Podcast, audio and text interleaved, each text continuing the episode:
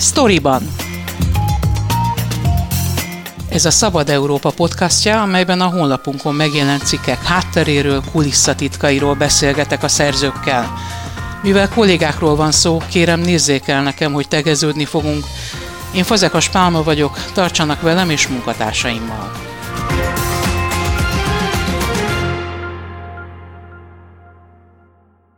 A sztoriban vendége Horn Gabriella, aki több cikkben is foglalkozott a nyártán egyik legtöbb sajtóvisszangot kiváltó hírével, Mészáros Lőrinci aktos nyaralásával, illetve azzal, hogy miközben Magyarország leggazdagabb embere a magyar nyilvánosság által korábban nem ismert jakton töltötte szabadságát a családjával, változás történt a kormányzat egyes tagjaival és baráti vállalkozóival korábban kapcsolatba hozott jaktok tulajdonosi hátterében. Szerinted miért hír még mindig Mészáros Lőrinc jaktos nyaralása?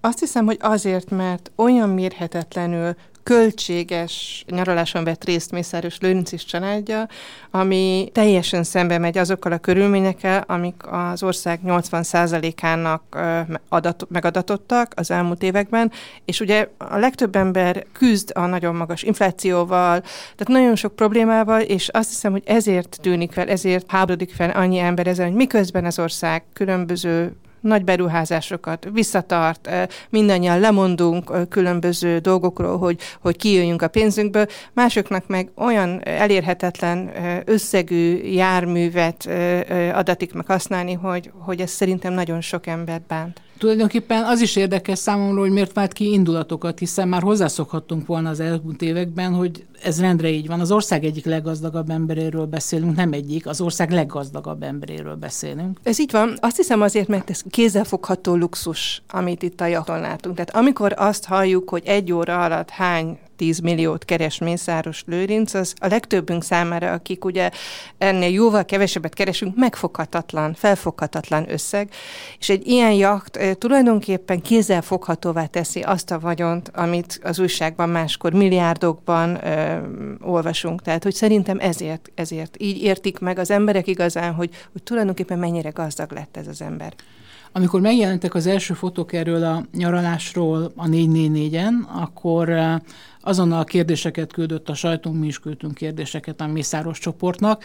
Az volt a válasz, és aztán Bárkonyi Andrea, Mészáros Lőrinc felesége nyilatkozott egy bulvárlatnak is, hogy igazából magánemberként tölti a szabadságát, senkinek semmi köze, ez volt a veleje a dolognak ahhoz, hogy hol, kivel, milyen körülmények között nyaral. Mit gondolsz erről?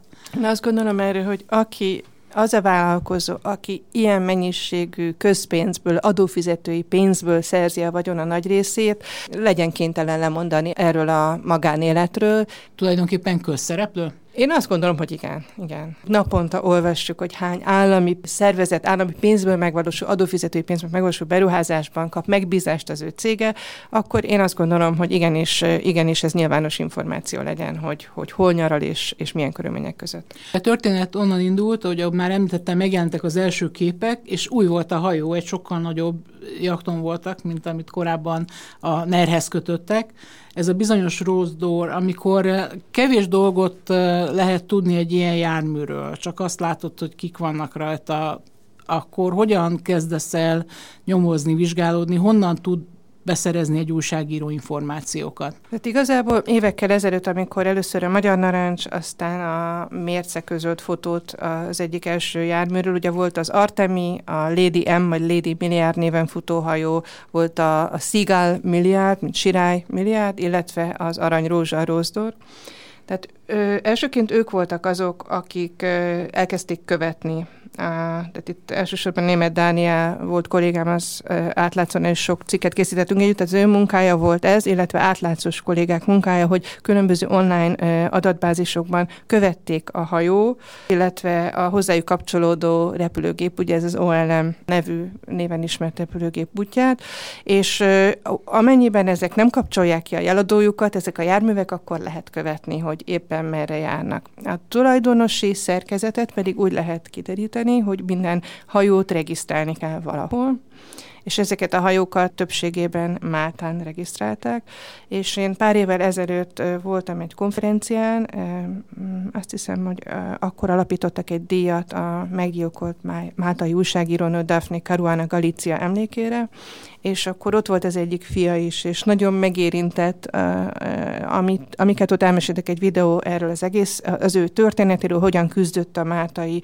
korrupció ellen, és akkor tudtam meg, hogy van egy alapítvány, ez a Daphne Caruana Galicia alapítvány, akik folytatják ő munkáját.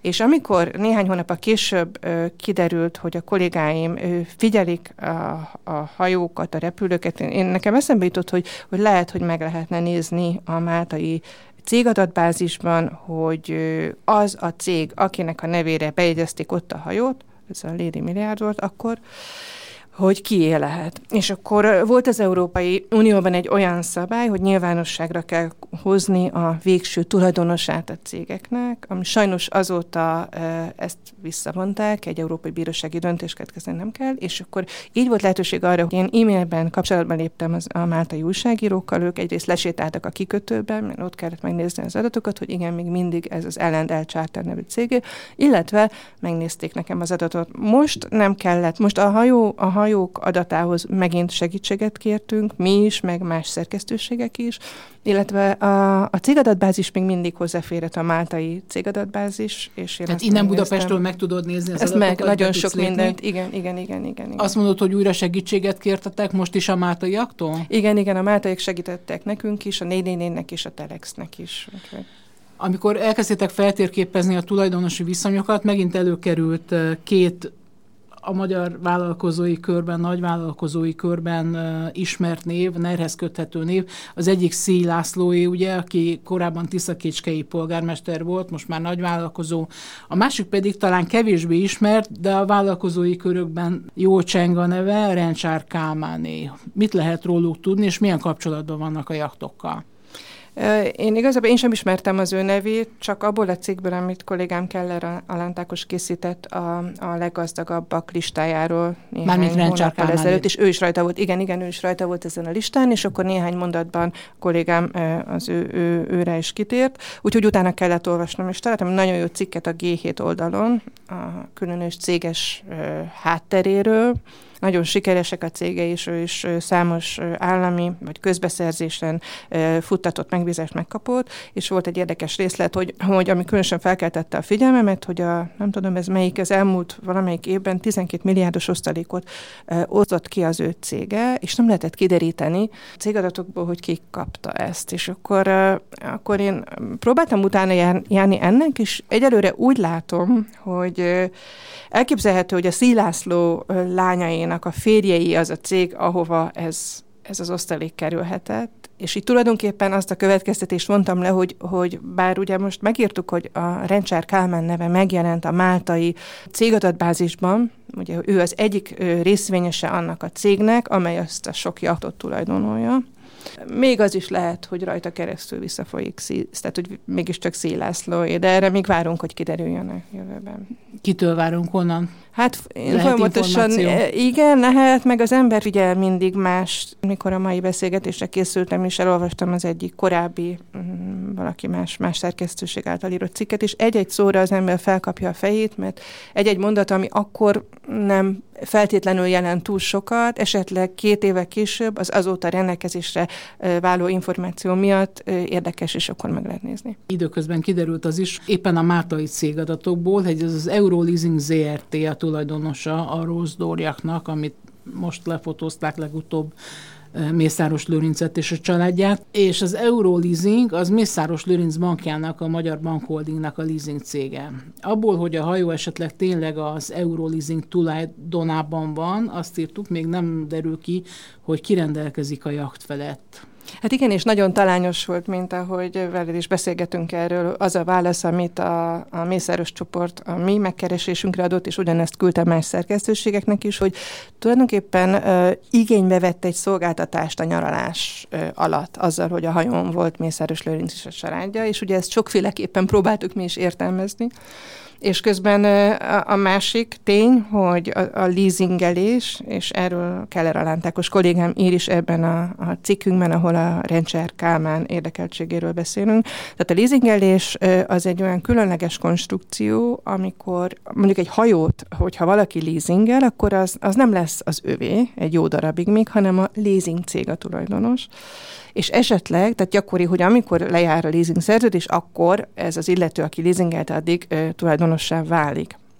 De attól, hogy a leasing cég nevén van ez a hajó, nem biztos, hogy a a Mészáros Lőrincé, vagy a Szilász Lői, szóval nagyon sok még a homályos pont ennek a, a hajónak kapcsán.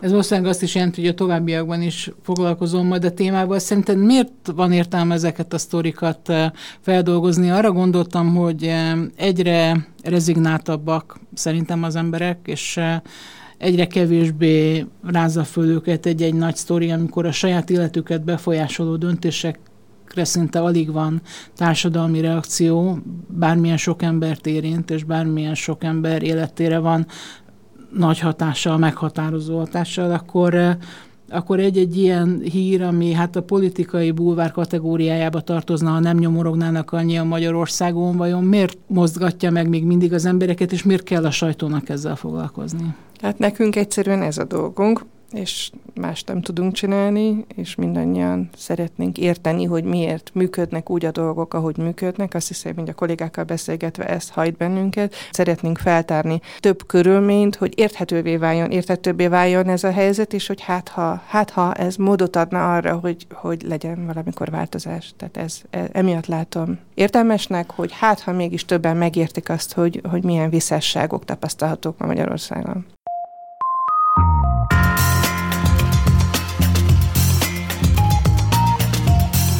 Ez volt a Storyban, a Szabad Európa podcastja, a honlapunkon megjelent cikkek hátteréről, kulisszatitkairól.